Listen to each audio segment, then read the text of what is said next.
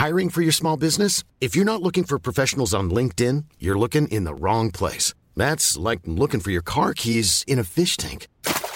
LinkedIn helps you hire professionals you can't find anywhere else, even those who aren't actively searching for a new job but might be open to the perfect role. In a given month, over 70% of LinkedIn users don't even visit other leading job sites. So start looking in the right place. With LinkedIn, you can hire professionals like a professional. Post your free job on linkedin.com slash people today. Here's a cool fact.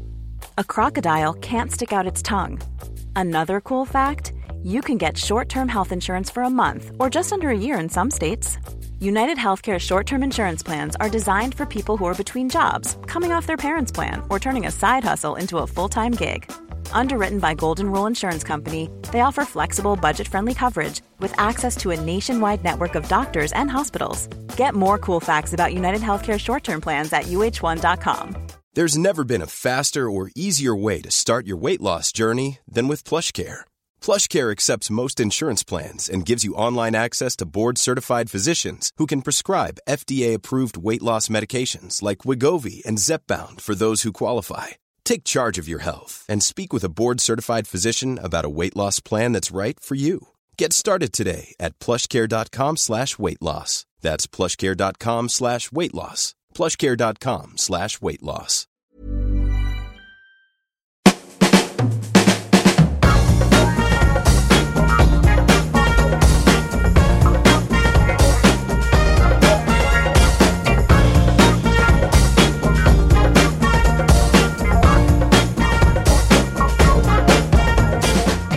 Välkomna till Health for Wealth, andra säsongen, avsnitt 14. Jag heter Ann-Sofie Forsmark, jag är hälsostrateg, civilekonom och hälsocoach. Och jag heter Boel Stier och är kommunikatör och copywriter. Förra gången hade vi Johan Bok här. Han uppmanade bland annat chefer att fråga sina medarbetare vad de vill ha av dem som ledare. Och att lyssna. Ja, det stämmer. Johan pratar mycket om det här med han kallar för gränssnittet medarbetare och chef. Och om att strategier, de blir framgångsrika om de kommuniceras och kommuniceras och kommuniceras lite till. Ja, vi återkommer till det hela tiden i den här podden. Återkoppling, kommunikation. Och förresten, kom och kommunicera med oss på vår workshop den 25 november. Det handlar om hälsa som verktyg för lönsamhet. Platsen är Stockholmsmässan. Och vi vill väldigt gärna träffa dig där. Läs mer på healthforwealth.se. Precis. Och idag så ska vi också kommunicera och vi ska kommunicera med vdn för Sveriges företagshälsor. Han heter Peter Munk av Rosensköld. Välkommen Peter! Tack så mycket. Människor som blir sedda och tagna i anspråk håller sig friskare, säger du i en DI-intervju från mars 2014. Och då var du HR-chef för Sverige. För ja. ICA Sverige menar jag. Ja, det hade varit kul att vara för Sverige. Ja, det hade varit härligt intressant. Ja. Utmaning. Ja, jag gillade det citatet. Hur, hur jobbade ni med det här med hälsa på ICA? Det där citatet är faktiskt snott. Det var från Kenneth Bengtsson, dåvarande vd för ICA-koncernen. Eh, och han brann väldigt mycket för frågor kring, framförallt kring, kring mångfald, kring integration, men också kring att dra igång hela projektet som ICA väldigt, väldigt framgångsrikt har drivit kring att integrera och se till att människor med olika funktionshinder får jobb. Och då sa han just det. Eh, men det är ju applicerbart på alla det där. Jag menar att mm. sedd och tagen i anspråk gör ju också någonting med människor. Inte bara om du har funktionshinder, utan alla människor. Eh, min, mitt jobb på, på ICA var som HR-chef. Det är en stor koncern. ICA Sverige är ett stort bolag. Eh, men det jag kunde konstatera under tiden som jag var personaldirektör där, det var att en av de mest brinnande frågorna var ju faktiskt att, att fundera på hur ser vi till att människor kan prestera och må bra. Hur kommer det sig att vi har högre sjuktal i vissa typer av miljöer än andra? Hur kommer det sig att vi har högre personalomsättning? Hur kommer det sig att, att människor inte trivs på jobbet? På vissa ställen men inte på andra. Det här var mycket frågor som jag funderade väldigt mycket på kan vi säga. Eh, plus att jag också rent så personligen tycker att ja, men det är inte okej okay att du blir sjuk på jobbet. Det är inte mm. okej okay att du blir skadad på jobbet. Liksom. Det är inte det. Mm. Eh, och som HR-funktion tycker jag du har en extremt viktig uppgift i det. För det är ju trots allt det du måste se till som HR-människa. Det är att skapa optimala förutsättningar för prestation. Eh, vilket gjorde att vi satte igång ett rätt stort program där. Jag gjorde det tillsammans med en av mina mest bökiga medarbetare, då, vår arbetsmiljöchef, som efter mycket om och men fick mig att förstå vad det var som krävdes, vad vi behövde göra. Vad var det? Nej, det vi gjorde det var att, att, att, eh, att jobba med arbetsmiljöfrågor och hälsofrågor präglades väldigt mycket av liksom, insatser på individnivå. Det är fruktkorgen, det är träningskortet, det är liksom att du får gå till en hälsoundersökning och så här. Det hon fick mig att förstå det är att du kan inte lägga du kan inte lösa organisatoriska problem på individuell nivå. Du måste sätta en strategi. Du måste sätta processer och system på plats. Du måste utbilda människor. Och så måste du faktiskt ha en rätt tydlig moralisk kompass i det arbete du gör. Vad härligt det här var att höra. Funkade det bra? Både och kan jag säga. Eh, det jag insåg under tiden där vi höll på, det är att, att, att eh, det är en enorm förändring för ett bolag att börja tänka på de här frågorna.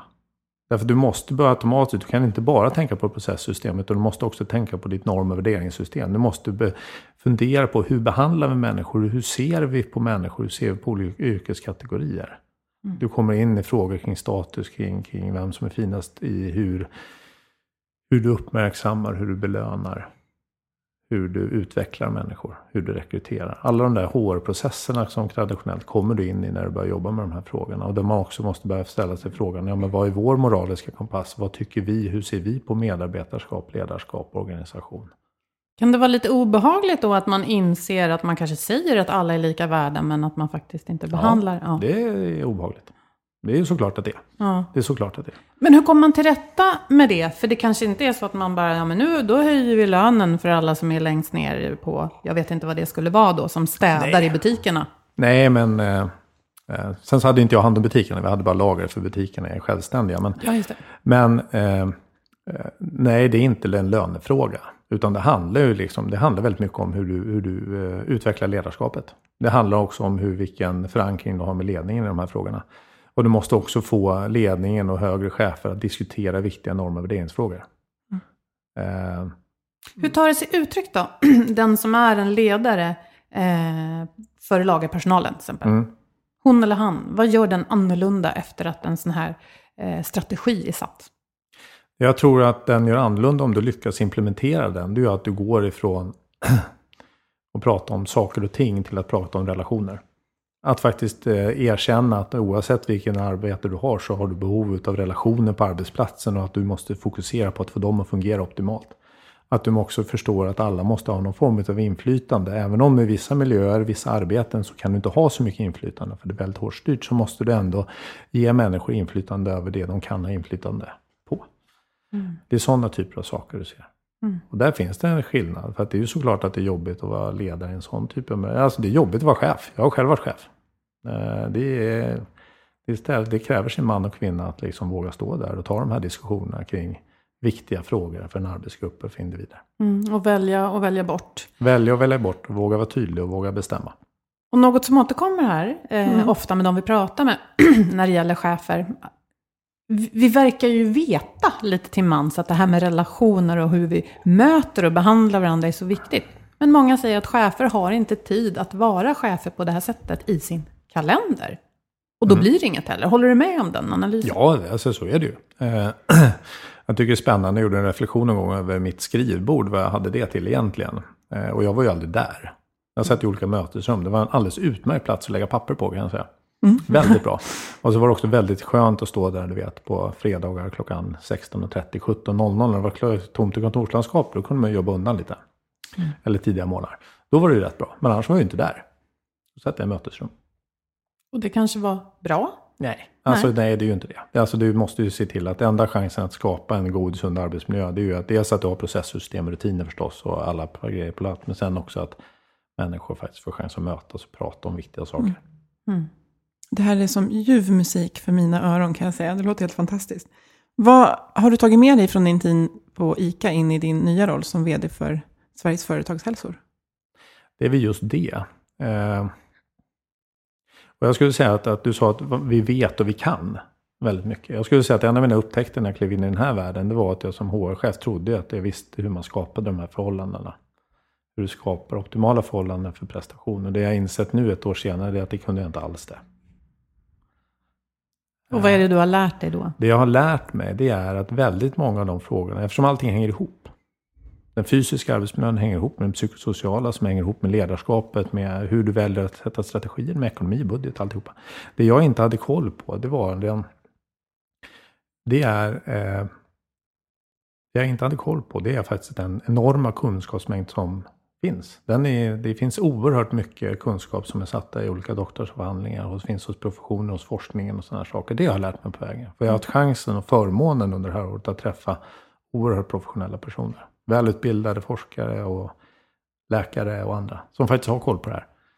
Eh, och det jag insåg då, det var att jag, nej, den kunskapen skulle jag ha behövt. Då hade jag gjort ett bättre jobb. Mm. Tycker du att den kompetensen kommer till användning ute i företagen då? Nej, det tror jag inte eh, till så stor grad. Men jag tror inte det handlar om att man inte vill. Jag tror det snarare handlar om fokus.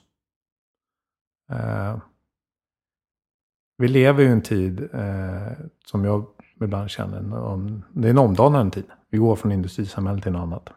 Mycket av de arbetssätt och de som processer, regler och rutiner vi har på arbetsmarknaden är gjord för en annan tid. Den är gjord för industrin. Mm. 70-tal, tung industri. Den är inte applicerbar på tjänstemän, äh, tjänsteindustrin. Alltså det är en annan... Människor fungerar likadant, men, men sättet att bedriva verksamhet, det är, en det är någonting annat att jobba i, i hemtjänsten än att jobba på SSAB tunnplåt. Mm. Mm. Det är någonting annat att jobba i en, i en konsultbransch än att jobba på, liksom, i skogsindustrin. Det är någonting annat. Men vi har försökt applicera en logik som är applicerbar på väldigt tung industri, på, på, på 70-talets arbetsliv, på något nytt. På en ny och, digitaliserad värld. Och det vi gjorde då, det var att mäta hur många enheter vi producerade per ja. timme eller minut. Ja, men det var det. Alltså det, det var ju, du hade ju liksom, det var maskinerna som styrde. Det var teknik, det var stora strukturer. Det var mycket investerat kapital. Um, det, var, det var relativt, uh, jag vill inte säga så, men rätt mycket enkla arbetsuppgifter. Vi hade ingen, ja, ni sitter med en telefon och läser här och det är sånt där. Vi hade inte sånt. Mm. Mm. Jag tycker det mest fascinerande, det jag brukar tänka tillbaka med. Vi, jag var extremt stolt när vi på 80-talet fick min pappa hem en fax. Mm. Mm. Det var hög status. Mm. Vi hade en fax hemma. Och så brukar jag tänka på nu, mina barn vet inte ens vad en fax är. De vet inte vad en telefonsvarare är. Så du vet, när det var en telefon med så här nummerskiva. Mm. Men det är ju den världen som vår regler, vårt sätt att se på arbetet, det är därifrån jag tror det präglas mm. väldigt mycket. Men den finns inte längre. Vi måste mm. tänka nytt. Men då kan man ju tänka att de enkla jobben eh, också är monotona, sliter på människor, kanske inte är så motiverande. På mm. det sättet borde vi ha det bättre förspänt idag. När man får utveckla, kanske många i alla fall, sina personliga kompetenser. Och Ja, många. Och jag, med, ja, inte överallt. Jag tror fortfarande det finns väldigt slitiga miljöer. Det får vi inte glömma. Det finns mm. slitiga miljöer och sådär. Och, och så. Men givet teknikutvecklingen, givet det samhälle vi befinner oss i, så tror jag att vi måste hitta andra sätt att göra det här på. Mm. Jag tror att vi måste fokusera mycket mer på vi kan inte luta, vi kan, måste vi måste ha hjälp av strukturer och processer, men vi kan inte lita på att de löser problemet åt oss. Utan jag tror att vi måste hela tiden skapa en involvering kring de här frågorna med, olika, med människorna som faktiskt befinner sig i arbetet på ett annat sätt än vad vi gjort tidigare.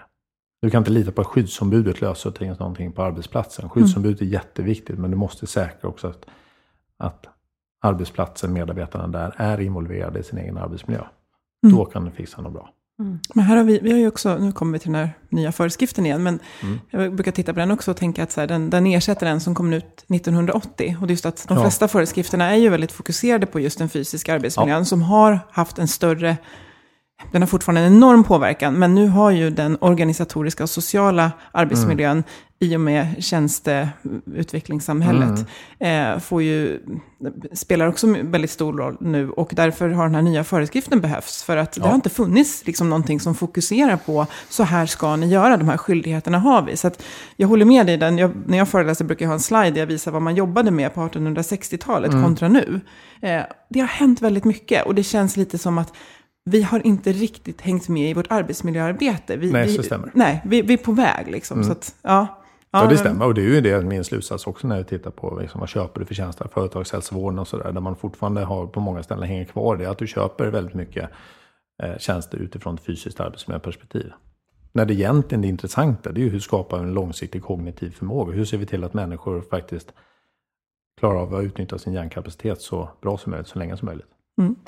Men hur ser den beställningen ut då? För du säger, vad du säger mellan raderna är att du inte får den beställningen så ofta när du jobbar i företagshälsovården. Ja, det kommer mer och mer nu. Eh, Det är det som är stora efterfrågan. Om vi tittar på det som rekryteras allra mest i min bransch nu så är det psykologer med organisationsinriktning.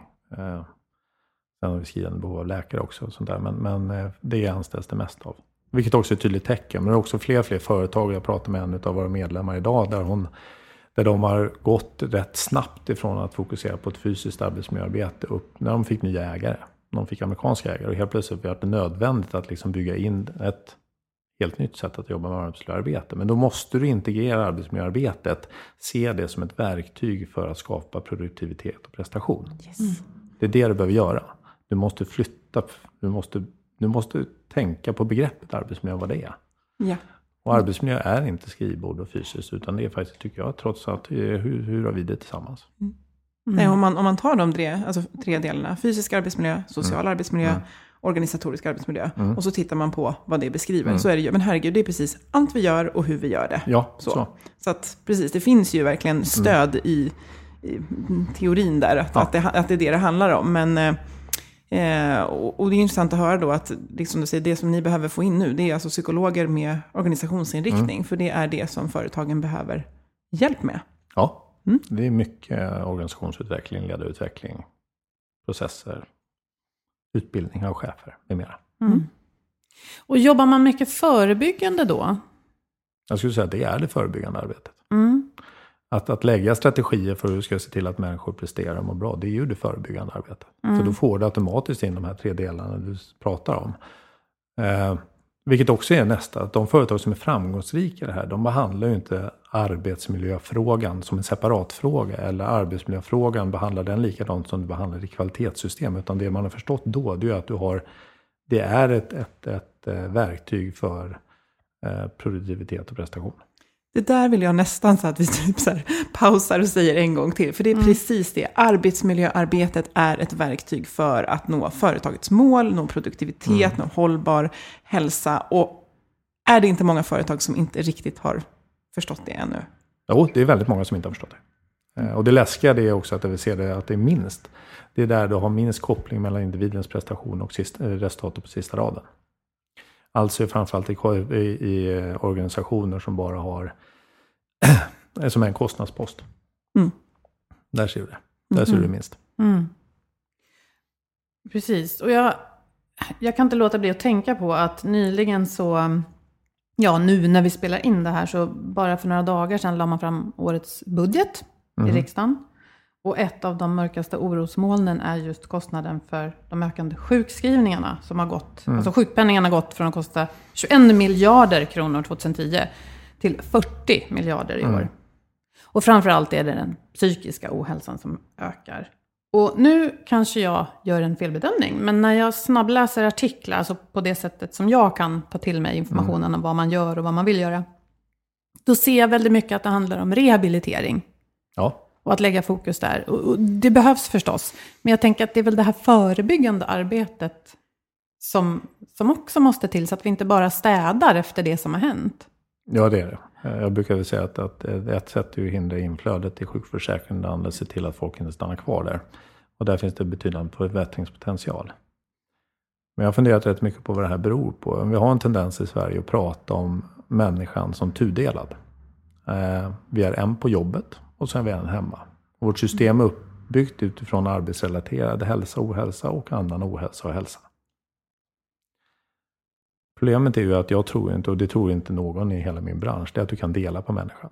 Ja, men allt är vi, vi är en produkt av vårt liv och den kontext vi befinner oss i. Och till syvende och sist, som jag tycker är intressant, så är det, blir det en arbetspåverkande ohälsa eller hälsa. Hur jag har det hemma påverkar mig på jobbet och vice versa. Vilket gör att jag tycker att man behöver fundera i de termerna istället. Det andra vi också behöver fundera på, det vi vet, som hur mycket forskning som helst finns, det är ju att, att en väl fungerande arbetsmiljö med bra relationer på arbetsplatsen, med bra arbetsmiljö verkar hälsofrämjande. Det vill säga att folk blir friskare utav det. Det skapar hälsa. Och det jag har pratat med många politiker och andra om, det är att hur kommer det sig att vi inte erkänner den forskning vi har? Hur kommer det sig att vi inte ser arbetsplatsen som en arena för att skapa folkhälsa? Därför det gör vi inte idag. Utan folkhälsan finns någon annanstans. Den finns i primärvården hos Folkhälsomyndigheten med andra. Den finns någon annanstans. Istället för att konstatera att vi är fem miljoner utav Sveriges 9,5 miljoner människor så är det fem miljoner som har ett jobb. Ja, men kan vi få de fem miljonerna att må bra på jobbet? Ja, då har vi nog löst rätt mycket av den problematik vi faktiskt sitter idag med de utgifterna vi har i sjukförsäkringen.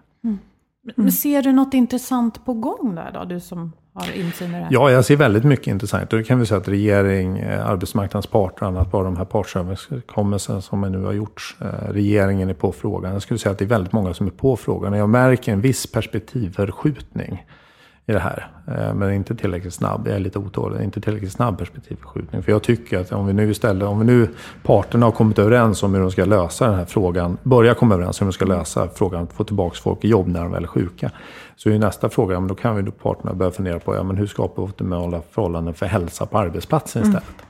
För det är inte så kul att prata om sjukdom jämt, för det är det vi gör. Det är problem och det är sjukdom och det är jobbigt allting. Istället för att konstatera att ja, men det är rätt kul att jobba och hur ser vi till att alla tycker det är kul att jobba? Det borde vara det som var den stora utmaningen.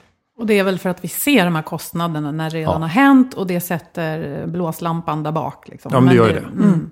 Men att vi föreställer oss kostnaderna, ja, ja. Det, det blir svårare när någon måste betala och då puttar man den här heta potatisen mellan sig. Och vi har ju sett siffror på att eh, arbetsgivares och medarbetares bedömning av hur stor andel eh, till ohälsan som ligger inom ramen för jobbet och inte. Ja, det är helt enkelt så att cheferna st- tror i större utsträckning att eh, anledningen ligger på hemmaplanet. Ja, så är det. Och det är ju inte så konstigt. Ja, men det är såklart. Ja, men om jag är chef, jag har ju själv varit chef, det är ju jättejobbigt att inse att det är mitt beteende som har gjort att någon inte mår bra. Det är väl ena reflektionen. Den andra reflektionen tycker jag inte är så bra. Men det är också det jag säger. Det är också att du behöver faktiskt ha någon part som är med i det här. Som faktiskt klarar av att jämka de här två bilderna.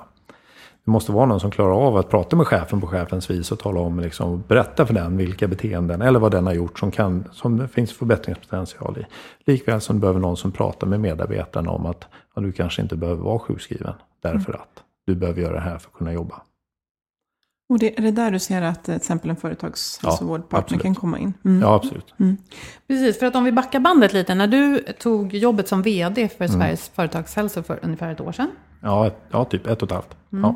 Då hade du själv varit en ganska stark kritiker av just företagshälsovården. ja, Så vad var det du såg som du inte gillade? Och har du kunnat påverka det nu tycker du?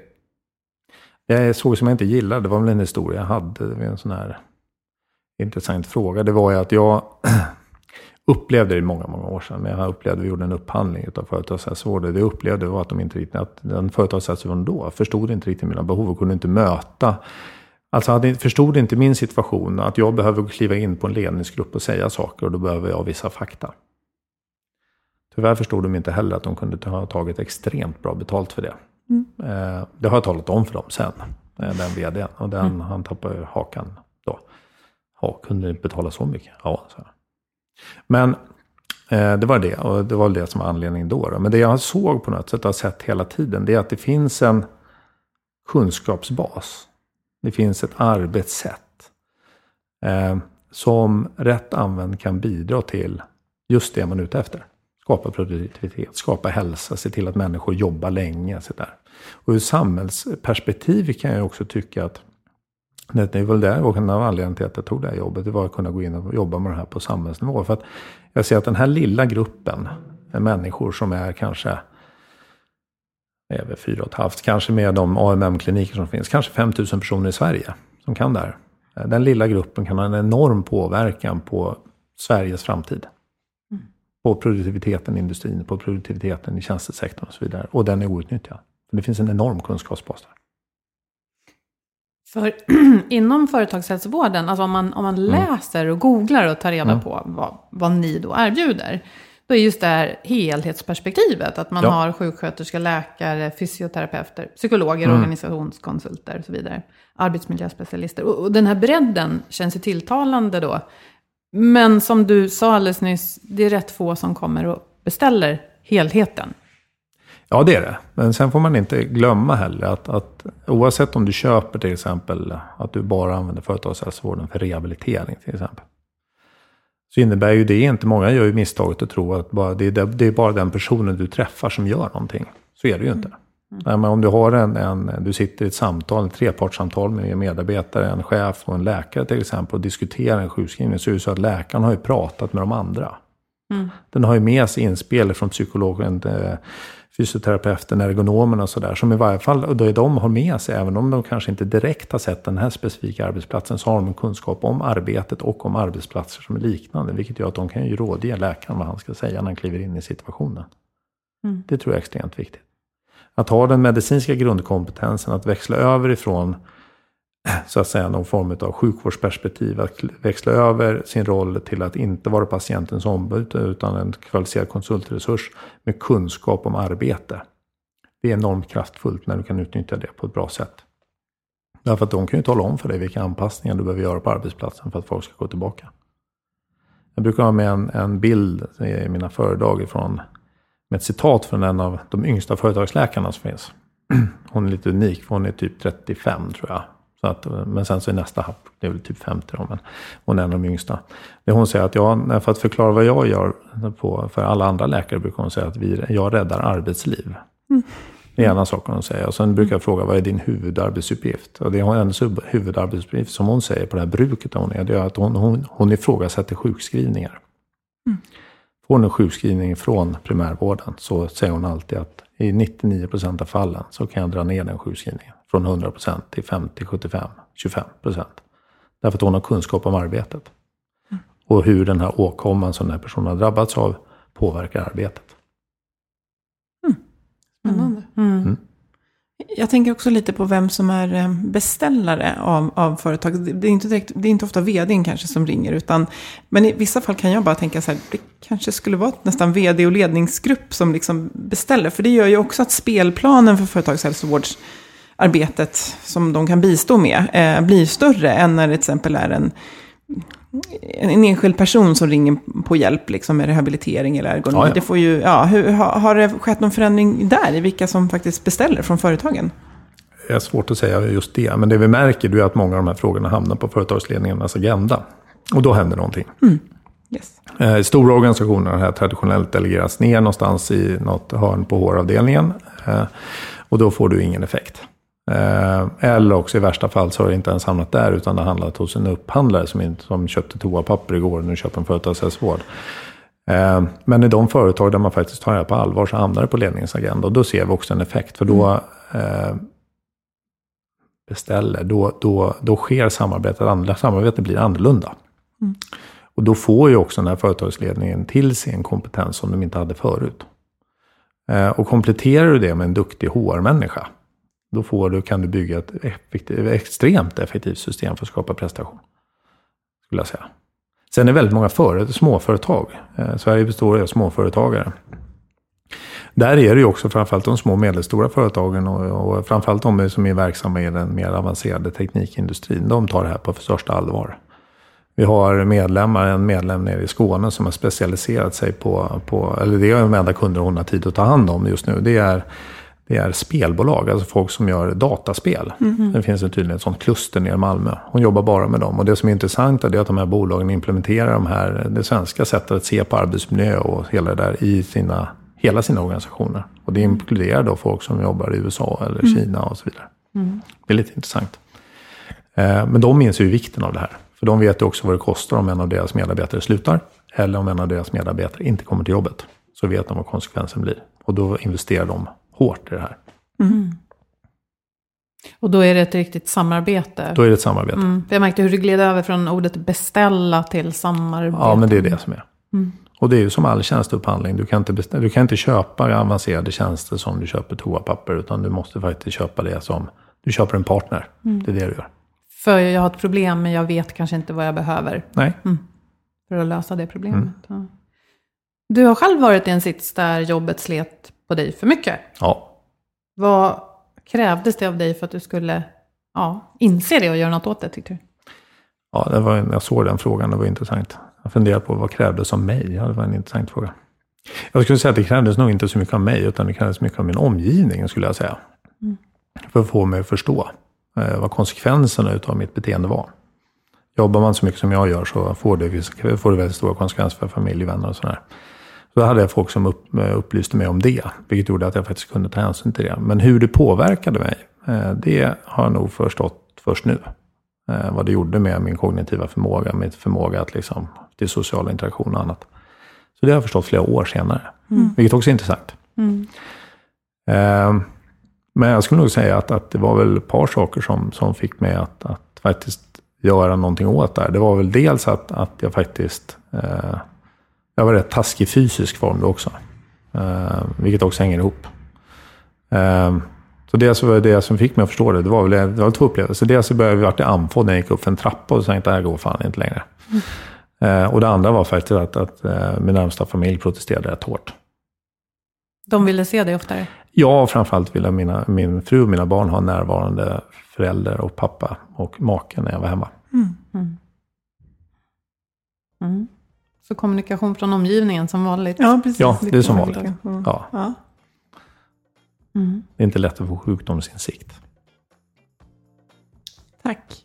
Eh, jag tror vi skulle kunna prata betydligt längre. Vi kanske får, får återkomma till dig mm. helt enkelt. I, men eh, superintressant samtal. Jag har bara suttit och velat göra tummar upp rakt igenom här. Eh, för det var så mycket bra och kloka, kloka inspel.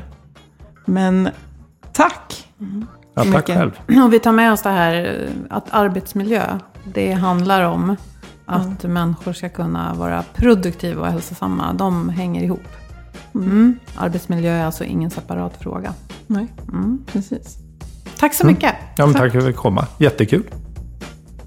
Och eh, vi blickar lite snabbt och kort framåt till nästa gång då vi ska prata med eh, en person som kan berätta hur det är att vända förlust till vinst. Eh, men med eh, hälsan i behåll. Vi ska ta hit Pernilla Gravenfors som är eh, inte nytillträdd än längre skulle jag vilja säga. Men hon är vd på Holiday Club i Åre. Mm. Mm. Ser fram emot att höra mer om. Till dess så hittar du oss på Facebook, LinkedIn och på hemsidan healthforwealth.se. Stort tack till Agda Media för produktionen och tack för att ni lyssnade. Tack och recensera oss jättegärna i iTunes så hörs vi nästa gång. Tack så mycket!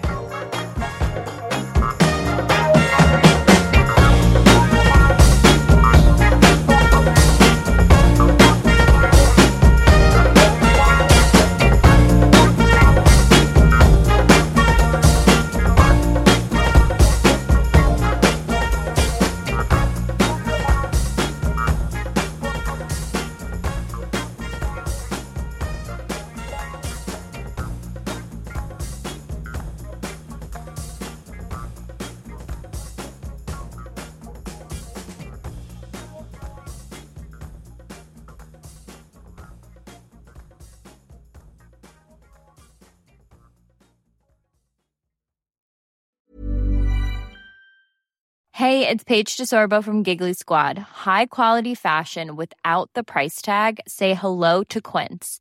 I'm snagging high-end essentials like cozy cashmere sweaters, sleek leather jackets, fine jewelry, and so much more. With Quince being 50 to 80% less than similar brands. And they partner with factories that prioritize safe, ethical, and responsible manufacturing. I love that. Luxury quality within reach. Go to quince.com slash style to get free shipping and 365 day returns on your next order.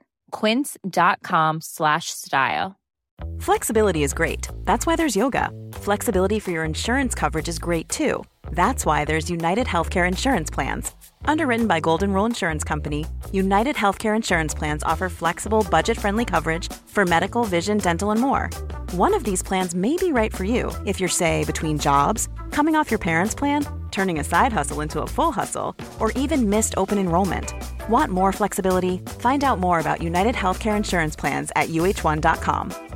Imagine the softest sheets you've ever felt. Now imagine them getting even softer over time. That's what you'll feel with Bowl and Branch's organic cotton sheets. In a recent customer survey, 96% replied that Bowl and Branch sheets get softer with every wash. Start getting your best night's sleep in these sheets that get softer and softer for years to come. Try their sheets with a 30-night guarantee. Plus, get 15% off your first order at bowlandbranch.com. Code BUTTERY. Exclusions apply. See site for details.